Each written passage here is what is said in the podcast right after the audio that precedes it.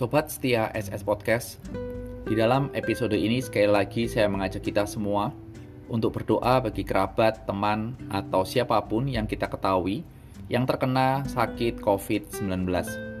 Biarlah Tuhan yang memberikan kesembuhan serta kekuatan bagi keluarga yang merawat dan juga Tuhan kiranya yang boleh memelihara kehidupan sobat setia semuanya. Di dalam episode kali ini, saya ingin memberikan sebuah judul untuk tema kita, He is my comforter. Terambil dari Lukas pasal yang ke-7 ayat 11 sampai dengan ayat yang ke-17.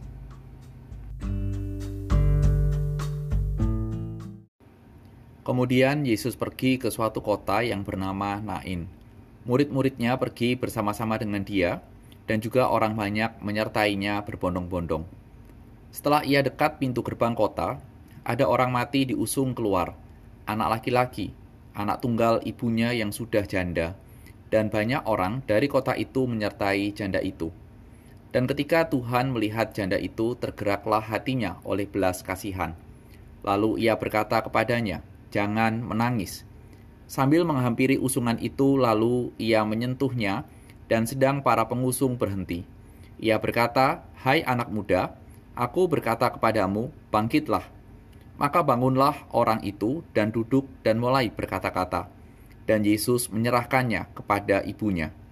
Semua orang itu ketakutan dan mereka memuliakan Allah sambil berkata, "Seorang nabi besar telah muncul di tengah-tengah kita, dan Allah telah melawat umatnya." Maka tersiarlah kabar tentang Yesus di seluruh Yudea dan di seluruh daerah sekitarnya.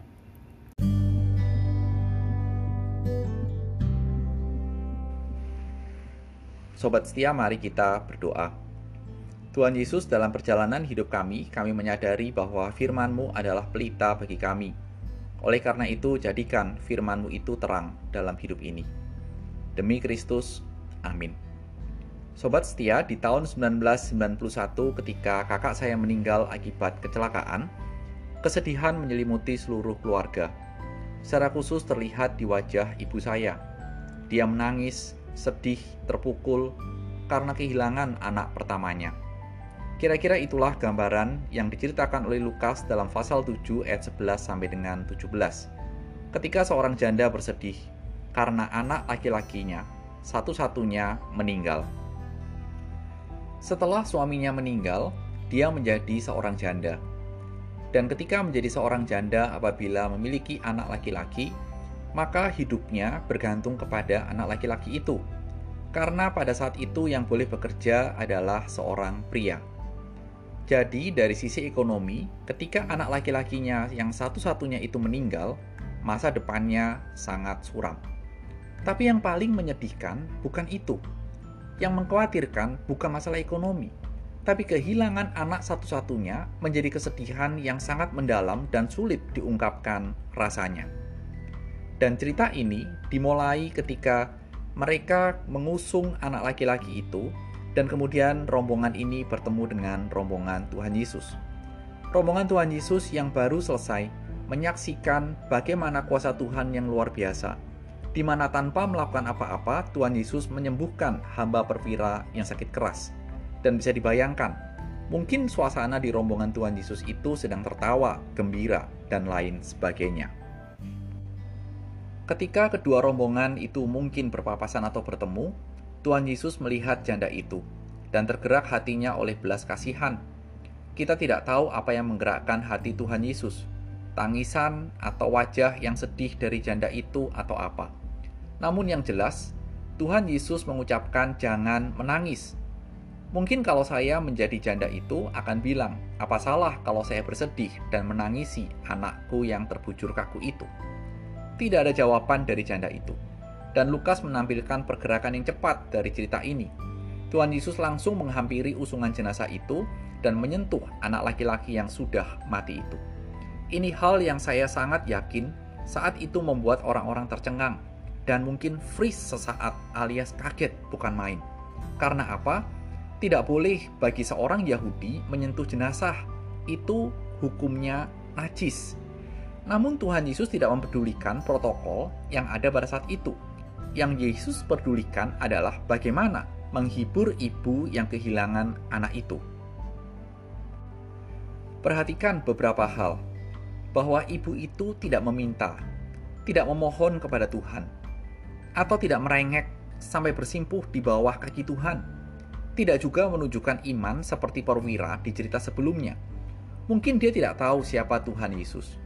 Meskipun kondisinya seperti itu, Tuhan Yesus berkata kepada anak muda yang mati itu, "Hai anak muda, aku berkata kepadamu, bangkitlah." Apabila kita perhatikan hal ini, secara ilmu medis, jenazah tidak akan berespon terhadap apa pun. Coba pergi ke kamar jenazah, panggil, berespon tidak. Yakin 100% tidak. Namun hal itu tidak berlaku atas Tuhan Yesus. Anak muda itu bangun, duduk, dan berkata-kata. Entah apa yang dikatakan tidak ada informasi dari Lukas. Pokoknya dia sekarang tidak mati alias hidup kembali. Dan Tuhan Yesus menyerahkan kepada ibunya. Ibunya yang menangis karena sedih, sekarang berubah menangis karena sukacita. Karena apa? putranya hidup kembali. Sekali lagi, karena apa? Putranya hidup kembali. Inilah belas kasihan dari Tuhan Yesus yang tidak diminta dan mungkin terlintas pun tidak oleh ibu itu, namun hadir ibu itu rasakan. Sobat setia, konsekuensi dari apa yang Tuhan Yesus lakukan adalah orang-orang menyadari bahwa Tuhan Yesus bukan hanya nabi yang hebat, tetapi Tuhan sendiri telah turun melawat umatnya. Dia adalah Tuhan yang datang dalam daging. Ini adalah kebenaran yang harus kita percayai tentang Tuhan Yesus. Dan ketika di dalam hidup kita kita menghadapi tragedi atau bencana dalam hidup ini, akan lebih menenangkan dan menyenangkan untuk kita bahwa Tuhan Yesus adalah Tuhan yang akan berkata kepada kita, "Jangan menangis. Aku di sini untukmu. Biarkan saya menolongmu, membantumu. Percayalah kepadaku.